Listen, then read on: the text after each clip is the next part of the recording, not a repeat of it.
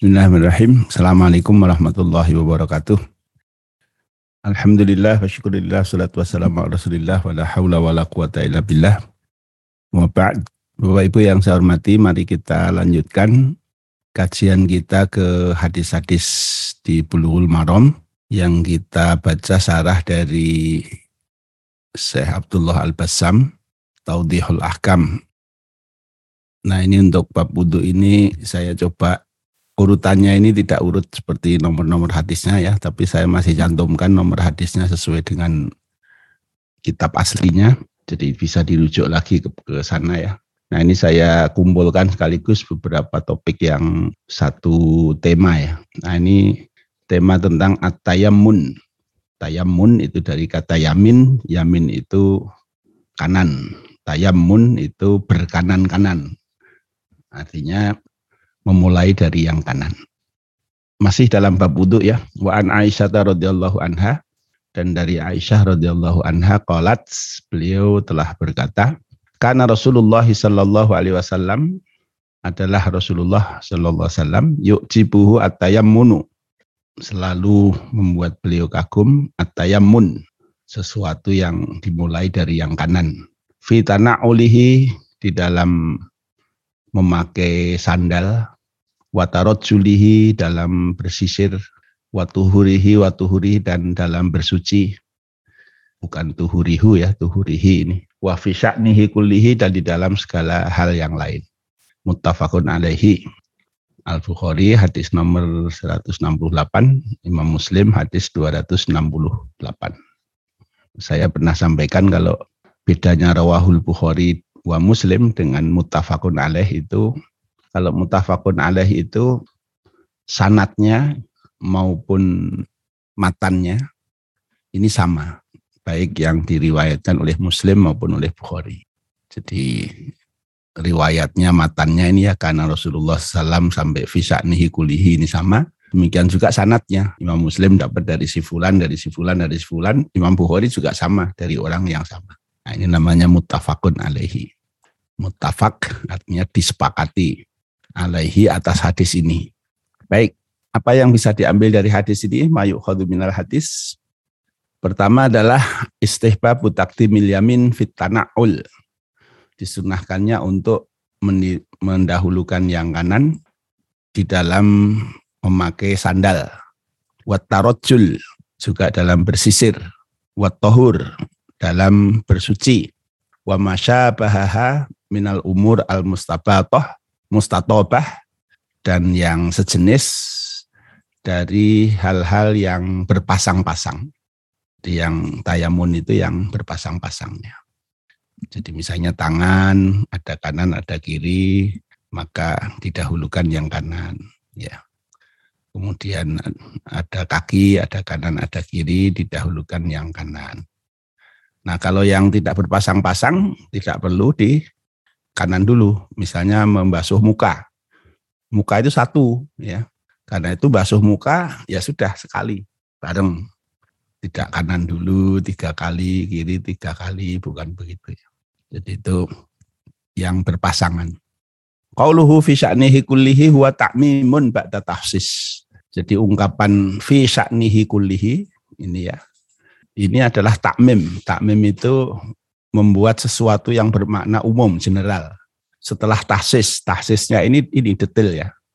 Dalam hal pakai sandal, dalam hal bersisir, dalam hal bersuci.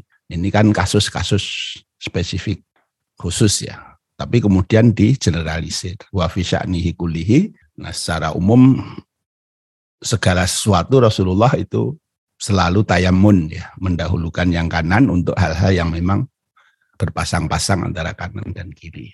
Misalnya pakai baju, pakai baju itu memasukkan baju itu lengan kanan dulu.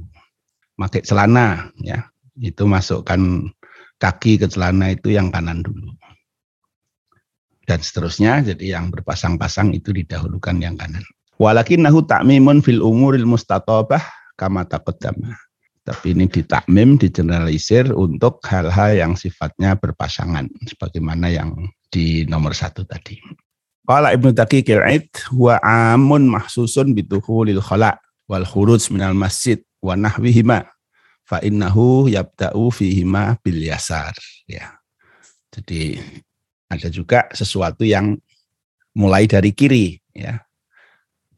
Jadi misalnya dalam masuk ke kamar mandi, masuk ke al-khola. Al-khola itu toilet tempat untuk bersepi-sepi, maksudnya adalah toilet. Kemudian keluar dari masjid, itu kiri dulu. Kalau masuk masjid, kanan dulu. Masuk pasar, itu kiri dulu. Kalau keluar pasar, kanan dulu. Masuk rumah, kanan dulu. Kalau keluar rumah, kiri dulu. Kalau An-Nawawi, kata Imam Nawawi, qaidatu syar'il mustamirrati kaidah syariah yang bersifat terus-menerus adalah istihbabul bada'ati bil yamin fi kulli ma kana min babit takrim wa tanzih. Jadi disunahkan untuk memulai dengan yang kanan di dalam segala hal yang bersifat takrim, pemuliaan, wa tanzih dan pensucian. Jadi sesuatu yang dianggap mulia itu dimulai dari yang kanan. Misalnya masuk masjid, masuk rumah. Wa maka nabi diddiha istahabba fil tayasur. Nah yang sebaliknya itu disunahkan untuk tayasur. Memulai yang kiri dulu. Misalnya tadi masuk ke toilet, masuk ke pasar, itu disunahkan yang kiri dulu. An-najak lal yusra lil asya'il mustaqdirah wa al-aliku syar'an wa aklan wa tibban. Jadi mendahulukan yang kiri untuk hal-hal yang dianggap kotor. Nah ini sesuatu yang sesuai dengan ketentuan syariah, dengan akal maupun dengan prinsip kesehatan. An-nasyar al-hakimah ja'ali islahin nasi wa tahdibihim. Jadi syariat dari Allah yang maha bijak ini datang untuk memperbaiki manusia dan mendidiknya wa wiqayatihim minal adroril amati adrori amatan. Dan menjaga manusia ini dari hal-hal yang membahayakan secara umum. Anal afdal fil wudu huwa al bada'atu bi ghusli yumnal yadaini ala yasariha yusrahuma. Yang utama di dalam wudu itu memulai dari yang uh, membasuh dua tangan kanan daripada yang kirinya wa yumnar rijlaini ala yusrahuma dan juga mendahulukan dua kaki kanan ah, apa kaki yang kanan dari dari dua kaki ini atas yang kiri. Qala ulama eh, qala Nawawi berkata Imam Nawawi ajma al ulama ala anna taqdimal yumna fil wudu sunnatun. Para ulama berisma bersepakat bahwa mendahulukan yang kanan di dalam wudhu itu sunnah man khalafa fatahu al fadla wa tamma wudu'ahu. Wudu'uhu. Orang yang menyelisihi cara ini jadi tidak mendahulukan yang kanan tapi yang kiri dulu misalnya fatahu al fadla maka dia kehilangan keutamaan. Wa tamma wudu'uhu tetapi wudu'nya tetap sempurna. Artinya tidak menjadi tidak sah ya. Jadi tetap sah tetapi kehilangan keutamaan. Qala fil Mughni di dalam kitab Al-Mughni Beliau berkata, lana lamu fi adamil wujub khilafan. Kami tidak mengetahui hal yang berbeda dari hukum tidak wajib ini. Artinya sunnah ya. Artinya seluruh ulama bersepakat tentang tayamun ini sunnah. Yang keenam, istihbabul bada'ati bi aimanil aimanil roksi idda tarjilihi aw waslihi aw Disunahkan untuk memulai bagian kanan dari kepala ketika kita memasukkan jari ke rambut kepala itu ya. Ini kalau mau mandi itu disunahkan untuk membasahi tangannya dulu, kemudian di rambutnya itu di akar-akar rambutnya dibasahi dengan tangan. Ini tarojul itu. Au atau membasuhnya, au halkihi atau mencukurnya, au ridalika atau yang lain-lain. Yustahabu takdimal yumna minal yatain wa minar rizlain ala yusra huma fi kulli amalin tayyibin wa mustahsanin. Disunahkan mendahulukan yang kanan dari dua tangan kita maupun kaki kita daripada yang kiri dalam setiap amal yang baik dan dianggap baik. Wa ayyuhassisal yusra lima yaliku biha min izalatil ausah al aqdar wa mubasyaratil asya al mustaqdirah dan dikhususkan untuk mendahulukan yang kiri ketika memang lebih tepat begitu. Misalnya untuk menghilangkan kotoran-kotoran atau bersentuhan dengan sesuatu yang dianggap kotor.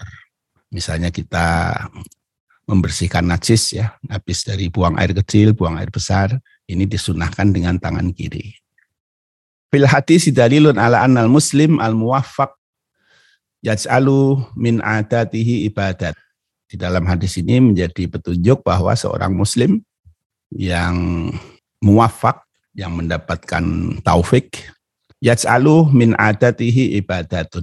Akan menjadikan sesuatu yang asalnya itu adat ya, kebiasaan. Ibadatan sebagai ibadah.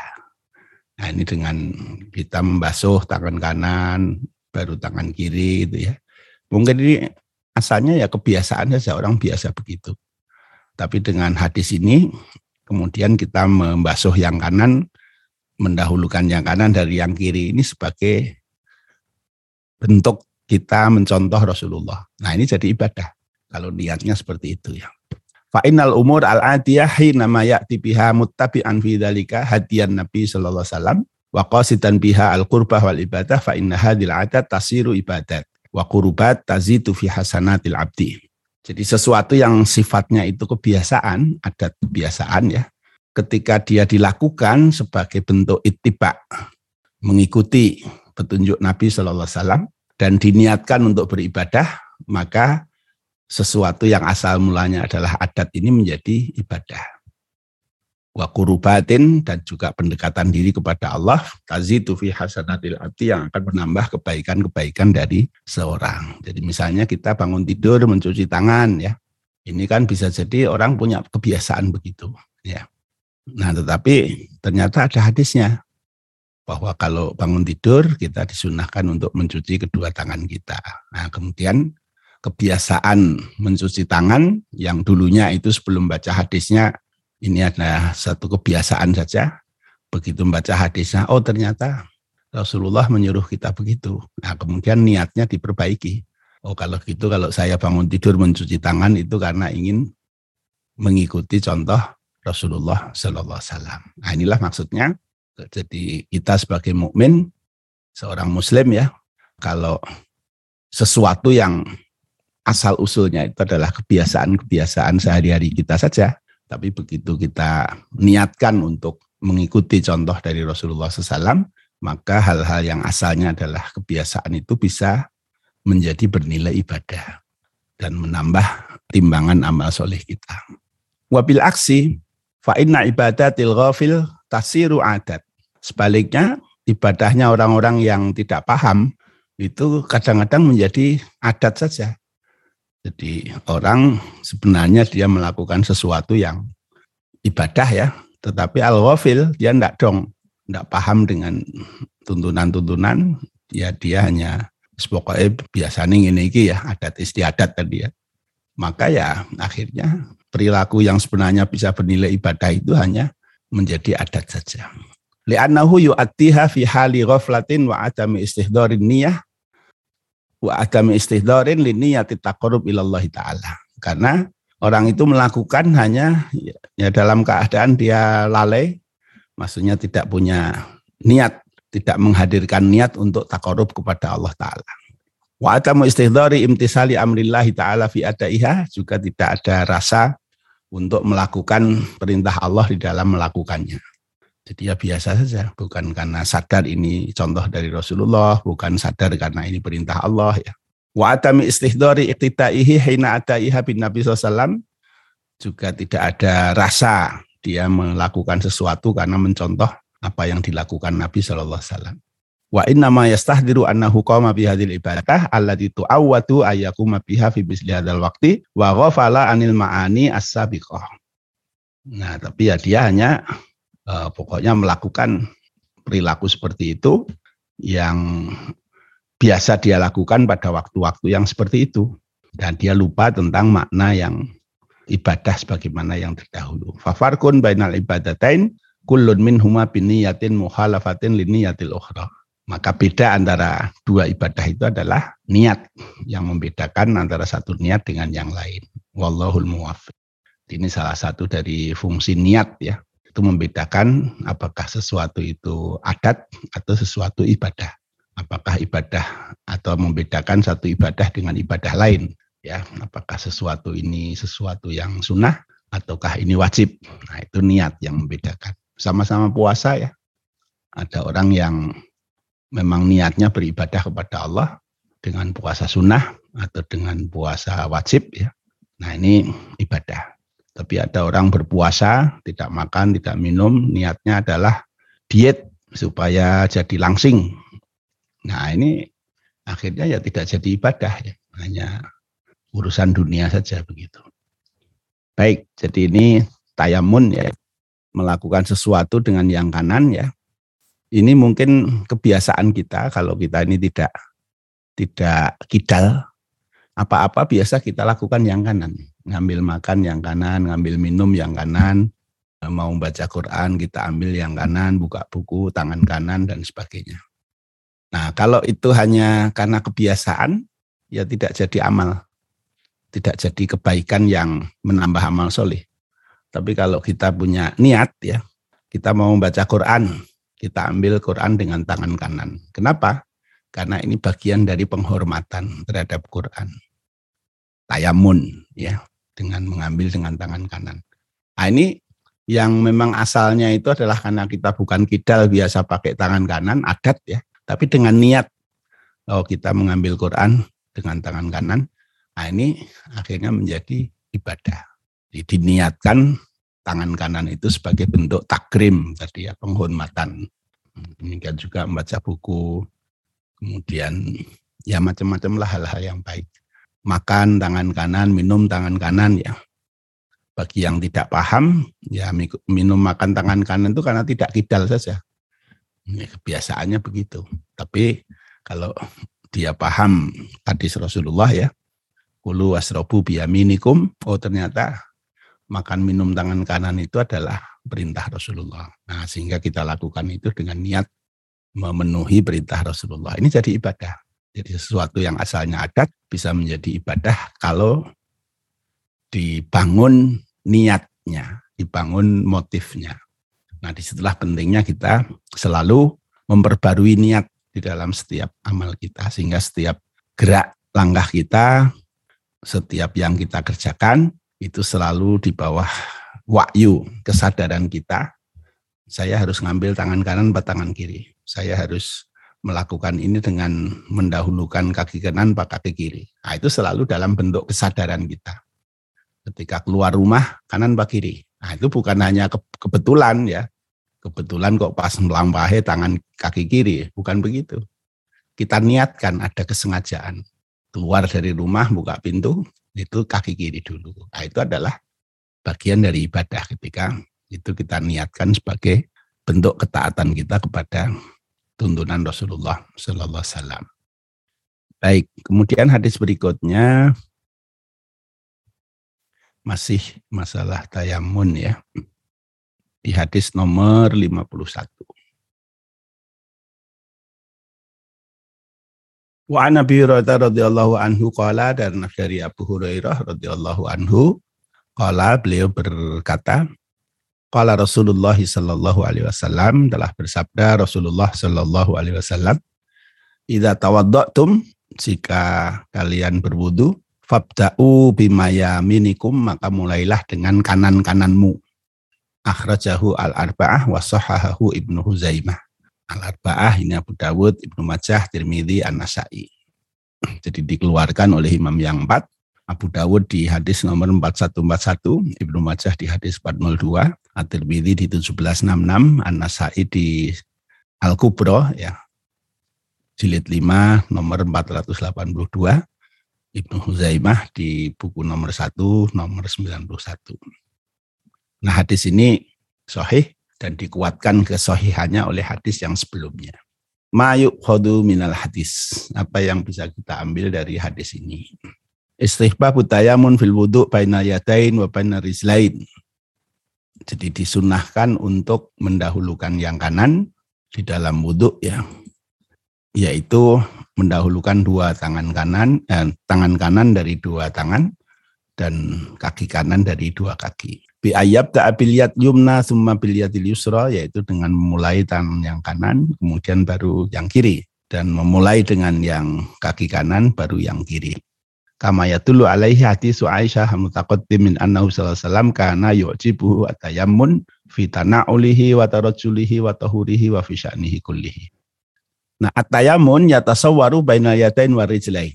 Jadi tayamun ini eh, digambarkan untuk tangan dan kaki. Bihila fil wajhi beda dengan wajah.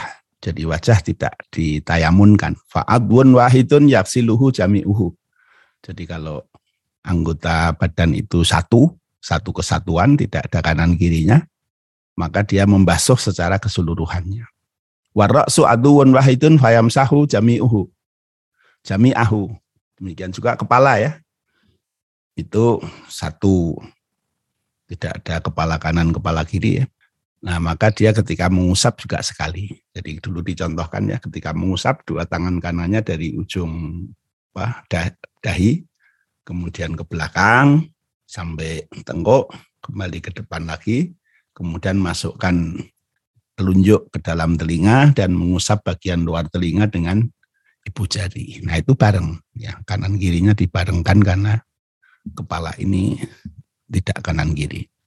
Asma'an ulama ala anna tayamun fil wudu laisa biwajibin falau qaddama shimal ala yamin ajza al wudu ma'afawatil fadilah para ulama bersepakat bahwa tayamun itu bukan kewajiban. Jadi kalau misalnya orang mendahulukan yang kiri dari yang kanan ya wudhunya tetap dianggap benar, boleh ya. Tetapi kehilangan keutamaan. Qauluhu idza tawadda'tum yakni syara'tum fil wudhu wa akhadtum bihi. Jadi idza tawadda'tum artinya ya ketika kamu melakukan wudhu itu.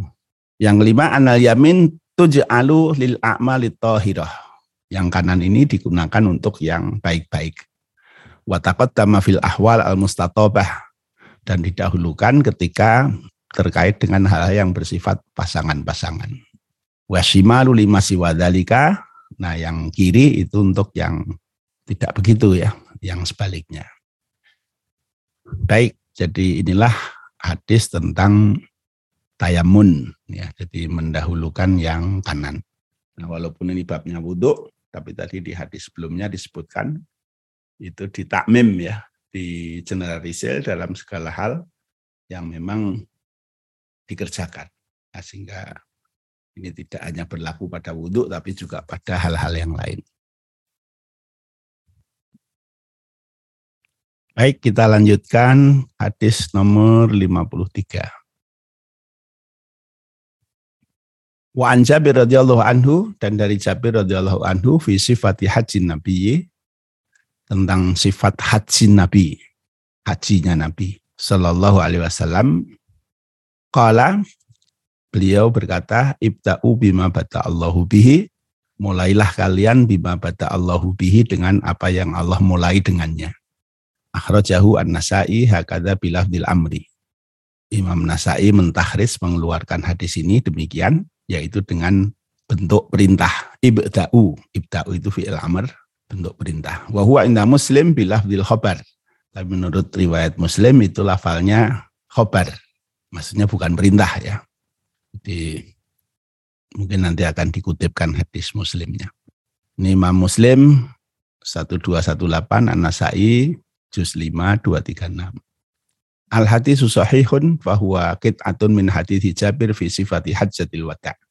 Ini hadis sahih merupakan potongan dari hadis Jabir tentang sifat haji wada. Jadi bab tentang haji itu paling panjang nanti hadisnya yang diriwayatkan dari Jabir. Dia bercerita panjang sekali tentang bagaimana Nabi melaksanakan haji. Waqat rawahu Muslim an Jabir bin Abdullah bitulihi dan Imam Muslim meriwayatkan dari Jabir bin Abdullah bitulihi dengan panjangnya hadis itu. Wa inna ma ikhtalafahuna takbir min lafzil khobar inda Muslim ila lafzil amri inda Nasai. Jadi ada perbedaan dalam riwayatnya ini dalam pengungkapan lafalnya ya kalau di dalam riwayat Muslim itu dengan bentuk khobar jadi tidak amr tapi kalau di dalam riwayat Nasai itu dengan bentuk amr. Ma yukhadu minal hadis apa yang bisa kita ambil dari hadis ini? Nah begini Bapak Ibu, jadi ini hadis haji kok ditaruh di sini. Kenapa ini? Nah di dalam Nah, ini salah satu contoh ya. Saya tidak tahu mungkin nanti dibahas juga ya. Jadi salah satu contoh bahwa satu dalil itu kalau bentuk kalimatnya itu umum, maka dia berlaku umum.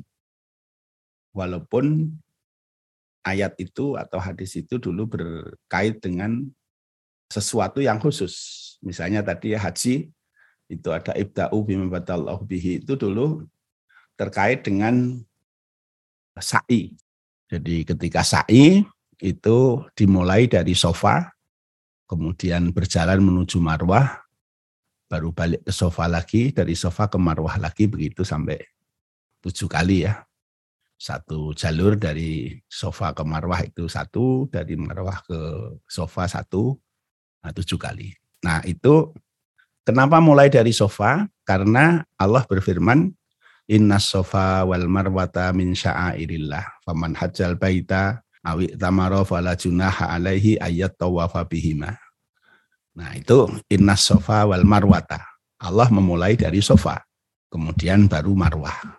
Nah kemudian Rasulullah mengatakan, ibda'u bima bada Allahu bihi. Mulailah sebagaimana dengan sesuatu yang Allah memulainya. Sehingga sa'i itu dimulai dari sofa menuju marwah. Nah hitungan pertama sa'i itu dari sofa dulu. Nah, itulah asalnya begitu. Nah tetapi ungkapan Rasulullah, ibda'u bima bada Allahu bihi, mulailah dengan apa yang Allah mulai. Ini bahasanya ini umum, tidak hanya terkait dengan sofa dan marwah itu. Nah karena itu kalau misalnya di dalam ayat-ayat lain nanti ada bab urutan-urutan, maka ya mulailah dengan yang Allah mulai. Nah, contoh wudhu ini di surat Al-Maidah, ya, mayu minal hadis, Lillahi tabar Allahu tabaraka ta'ala zakara sifatal wudu fi ayatil maidah fi qaulih ta'ala ya ayyuhalladzina amanu idza qumtum ila sholati faghsilu wujuhakum ya al ayah al ayah itu maksudnya sampai akhir ayat itu ya jadi kalau ini saya sampaikan lagi kalau orang membaca satu ayat tapi tidak diselesaikan sampai ujung ayat nah dikatakan al ayah itu maksudnya ya silahkan diteruskan sampai ayat itu selesai. Al-Ma'idah ayat 6. Atau orang membaca hadis ya, kemudian dipotong, tidak diselesaikan. Nah kita mengatakan al-hadis ya. Misalnya innamal a'malu binniyat wa innamal likulli manawa al-hadis. Nah itu maksudnya silahkan diteruskan hadis itu sampai selesai. Begitu ya. Ada terusannya gitu. Nah, saya pernah mendengar ya orang berceramah atau berkhutbah dia sudah baca hadis sampai selesai dia bilang al hadis dia baca ayat sampai selesai dia bilang al ayah nah ini keliru ini ya begitu tuh keliru atau mungkin beliau tidak paham bahwa maksud dari ucapan al hadis ucapan al ayah itu adalah ketika orang membaca ayat atau membaca hadis itu tidak selesai. Begitu. Nah, Bapak Ibu kalau kalau misalnya akan pidato, akan ceramah, akan khutbah gitu ya. Yang kecil-kecil begini diperhatikan. Karena kalau pendengarnya itu tidak paham itu tidak apa-apa, ya. Misalnya ya ayyuhalladzina amanu ittaqullaha haqqa tuqatih wa illa muslimun al ayah. Nah, ini kalau pendengarnya tidak paham oh ya ini ayat gitu ya. Padahal misalnya tidak boleh begitu ya. Kalau sudah dibaca satu ayat penuh tidak usah bilang al ayah ya. Jadi cukup ya ayyuhalladzina amanu ittaqullaha haqqa tuqatih wa la tamutunna illa wa antum muslimun. Apa sadaqallahul azim apa-apa gitu ya. Jangan bilang al ayah. Nah, kalau sudah dibaca penuh masih bilang al ayah. Nah, ini kalau ada jamaahnya yang paham Nah, dia akan batin jebul khotibe rapatek dong. Nah, gitu ya. Atau membaca hadis sudah selesai, innamal amalu biniat sampai mangkada hijratuhu lidun ya yusibuha aw imra'atin yang kihuha fa hijratuhu ila ma hajara ilaihi. Al hadis. Nah, ini kalau jamaahnya tidak paham tidak apa-apa. Tidak ketahuan maksudnya ya, bukan tidak apa-apa, tidak ketahuan. Tapi kalau jamaahnya paham, Oh jebul khotib ratek dong. Nah ini kan begitu. Nanti kadang-kadang mengurangi tumak ninahnya para samiun ya, orang-orang yang mendengar itu. Karena tidak terlalu sikoh kepada khotibnya ya. Jadi ini penting para khotib, para penceramah, pengisi pengajian memperhatikan hal-hal yang kecil ya dalam ceramahnya itu. Baca hadis ya. Baca hadis ini tidak semudah baca ayat. Karena itu perhatikan hal-hal detail, ya, hal-hal detail dari baca hadis itu. Kalau perlu ya cari hadis yang ada harokatnya. Jadi misalnya ini Rasulullahi apa Rasulullahi apa Rasulillahi ya. Nah, ini kalau pendengarnya tidak paham itu tidak masalah. Rasulullah, Rasuli, Rasulu ya Rasul juga gitu ya. Tapi kalau pendengarnya paham, ini sensitif. Misalnya an Rasulullah sallallahu alaihi wasallam. An kok Rasulu, an itu ya Rasuli. Atau misalnya kola, kola Rasulullah sallallahu alaihi wasallam. Betul. Atau misalnya kola Rasulillah sallallahu alaihi wasallam, ya salah. Kola kok Rasuli, kola itu ya Rasulu. Jadi hal-hal kecil begitu supaya diperhatikan ya, baca yang baik. Kalau kita ragu-ragu diharokati catatan kita ya supaya tidak menyepelekan hal-hal yang kecil yang bagi sebagian orang itu penting. Begitu dengar khotibnya salah membaca saja itu sudah kehilangan separuh kepercayaannya. Wah ini mocone wira bener kira dong ya, mbah isine mbah piye iki. Nah, begitu ya. Padahal isinya bagus-bagus. Tapi orang sudah kehilangan separuh kepercayaannya karena kita tidak hati-hati. Nah, karena itu penting ya. Hal-hal kecil begitu diperhatikan. Nah, ini contoh misalnya Ya ayyuhalladzina amanu idza qumtum ila faghsilu wujuhakum al ayah. Nah, al ayah ini maksudnya apa? Ah, masih ada lanjutannya sampai faghsilu wujuhakum wa aidiakum ilal marofik wamsahu biruusikum wa arjulakum ilal ka'bain. Nah, gitu ya. Nah, ini lanjutannya begitu. Nah, ini kaitannya dengan ibda'u bima bata Allahu apa? Ini Wudhu itu mulai dari faksilu wujuhakum, mulai dari wajah. Wa aidiakum ilal marofik, kemudian tangan. Wamsahu biruusikum, kemudian kepala. ya Wa arjulakum ilal ka'bain, kemudian membasuh kaki. Nah, ibta'u bima bata Allahu bihi, farad taba a'da al wudu'i mubtadi'an bil wajhi. Maka diurutkan anggota-anggota wudhu itu dimulai dari wajah. Famsahu biwujuh, faksilu wujuhakum. Falyatain kemudian dua tangan ya. Wa aidiakum ilal marafiq. Wamsahu biruusikum famsah famah surasi kemudian membasuh uh, mengusap kepala. Wa aidia wa arjulakum ilal ka'bain kemudian membasuh dua kaki. Ya, fatartibuhu hasbaha tartib al-hakim ja'a fil ayatil karimah. Maka urutan di dalam wudhu sebagaimana urutan yang ditetapkan oleh Allah Al-Hakim ini, ya sebagaimana yang ada di dalam ayat yang mulia, yaitu ayat Al-Ma'idah ayat 6 ini. Annaha tertib al-madhkur fil ayah fardun fil wudhu. Jadi urutan seperti yang ada di dalam ayat ini adalah sesuatu yang bersifat fardu di dalam wudhu. Falau atabi ala ghairi hadha tartib lam yasih al wudhu. Lam yasih uhu kalau orang melakukan wudhu dengan urutan tidak seperti ini, maka wudhunya tidak sah. Wa minal fukoha man yusohihuhu, walaupun ada sebagian dari ahli fikih yang mensahkan.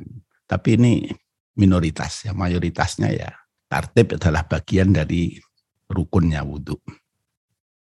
Mimma istatalla biha ala luzumi hadha tartib huwa idkhalul mamsuh wa huwa ar-ra's bainal maksulain salah satu yang menunjukkan tentang keharusan tertib yaitu memasukkan kata famsahu biru usikum wahu arrosu baina maksulaini di antara dua hal yang seharusnya dibasuh ya yaitu tangan dan kaki.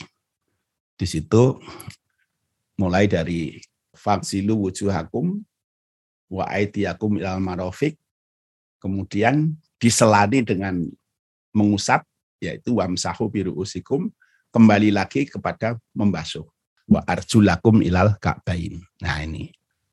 Jadi ini menunjukkan ada urutan yang sudah tertentu ya. Nah kalau secara bahasa sebenarnya lebih enak yang basuh basuh dulu semua ya. Kemudian baru yang mengusap diusap ya. Jadi misalnya wamsah uh, wa faksilu wujuhakum wa etiakum wa arjulakum. Nah ini kan urut. Jadi yang dibasuh itu adalah muka, tangan, kaki. Kemudian yang diusap wamsahu biru usikum ya begitu ya. Jadi kalau enak dari segi pemahaman bahasa. Tetapi ternyata Allah tidak mengurutkannya begitu. Jadi uh, faksilu wujuhakum wa aidiakum ilal marofik diselai dengan wamsahu biru usikum. Kemudian wa arjulakum ilal ka'bai. Dulu pernah saya sampaikan, kaki ini kok dibasuh, kok tidak diusap. Kenapa? Karena di situ pakai arjulakum. Kalau arjulikum itu kembalinya kepada biru usikum wa arjulikum. Maka perintahnya wamsahu, usaplah. Tapi karena di situ wa arjulakum, maka kembalinya kepada faksilu. Faksilu wujuhakum wa aidiyakum ya, ya wa aidiyakum ilal marofik wa arjulakum ilal ka'bain. Nah itu jadi kembalinya kepada faksilu, basuhlah. Tuh ya. Fa innahu lam yadkhulu bainahuma illa mura'atan li tartibil a'dha ala hadhil kaifiyah. Jadi perintah membasuh kepala ini tidak dimasukkan di situ, nah, dimasukkan di situ, tidak dimasukkan di situ kecuali dengan tujuan untuk menjaga urutan dalam hal membasuh anggota wudhu ini, sebagaimana yang dijelaskan dalam cara ini. Wa adatun nusus al karimah al bada'atu bil ahammi fal aham. Nah umumnya nas-nas di dalam ayat-ayat itu memulai dari yang paling penting, kemudian yang berikutnya, yang berikutnya, begitu. Amma tartibu bainal matbadah wal istinsyaq wa baina ghuslil wajhi wa tartib baina yatin wa ukhra au baina rajulin wa ukhra au baina udhunain wa ra's fal isma'u ala annahu sunnatun la wajibah. Adapun urutan antara matbadah dan istinsyaq ya atau antara membasuh muka kemudian tertib antara satu tangan dengan yang lain atau kaki dengan yang lain atau antara dua telinga dengan kepala maka ini sunnah ya tidak wajib. Jadi misalnya tadi ada yang kanan dulu baru yang kiri gitu ya.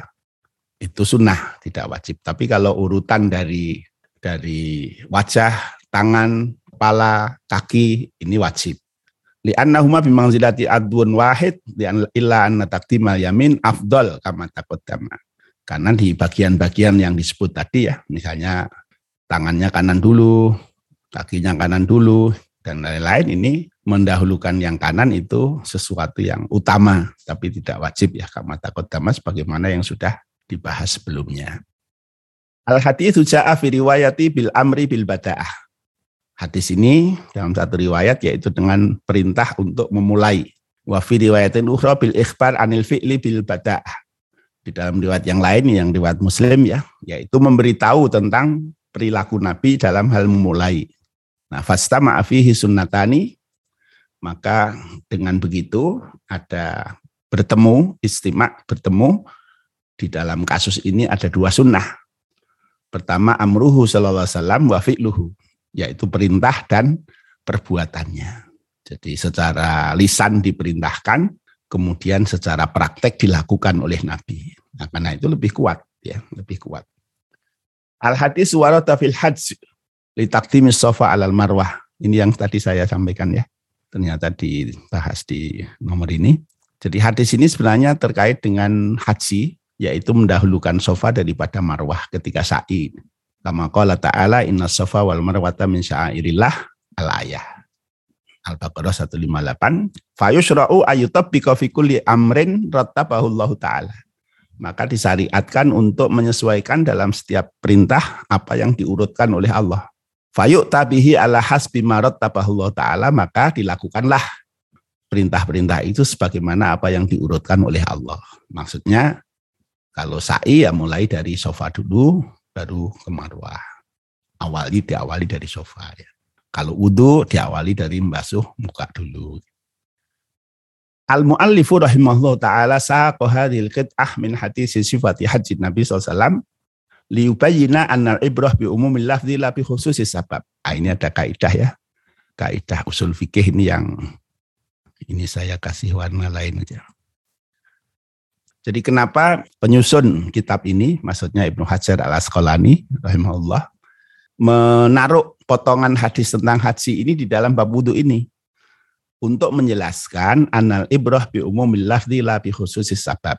Ya bahwa pengambilan sebuah kesimpulan itu bergantung berdasar kepada keumuman lafal di dalam hadis atau ayatnya lebih khusus sebab tidak didasarkan kepada kekhususan sebab. Maksudnya apa? Ini ya ini perintah ibda'u bima bada Allahu bihi. Ya. Sebabnya apa sebenarnya? Sebabnya adalah bab sofa wal marwah ya. Tetapi kalimat perintahnya ini umum mulailah dengan sesuatu yang Allah memulai. Nah ini bisa berlaku untuk apa saja gitu. Nah inilah maksudnya al ibroh bi umumil lafzi. Jadi kita mengambil sebuah simpulan dari perintah ini didasarkan kepada kata-katanya yang bermakna umum ini general ya. Walaupun sebabnya khusus tadi sofa dan marwah ya. Lebih khusus sebab bukan didasarkan kepada kekhususan sabab. Jadi ini tidak hanya berlaku untuk sofa marwah saja, sa'i ya. Tetapi karena keumuman bentuk kalimatnya ini, maka dia berlaku untuk semua yang lain, termasuk dalam hal wudhu ya. Allah mulai dengan faksilu wujuhakum wa aidiyakum ilal marafiq dan seterusnya ya mulailah dari yang dimulai oleh Allah. Maksudnya begitu. Fahadal amr wa ingkana qad warada fi mas'alati sa'yi khasatan lakinnahu bi umumil amri lafzuhu yatullu ala qaidatin kulliyatin tadkhulu tahtaha ayatul wudu. Jadi walaupun perintah ini asalnya itu terkait dengan sa'i tetapi karena bentuk kalimatnya itu umum maka dia menunjukkan kepada kaidah yang bersifat general yang tercakup di dalamnya itu tentang wudhu faksilu wujuhakum wa aidiyakum dal marofik dan seterusnya gitu. Fayajibu al bada'atu bima bada Allah bihi maka wajiblah kita memulai sesuatu dengan apa yang Allah mulaikan. Begitu. Baik, saya kira ini dulu ya. Jadi termasuk tayamun tadi ya, tayamun walaupun disimbolkan sunnah. Nah, tetapi kalau Rasulullah memulai yang kanan sebaiknya kita juga memulai dari yang kanan. Wallahu alam billahi taufiq Assalamualaikum warahmatullahi wabarakatuh.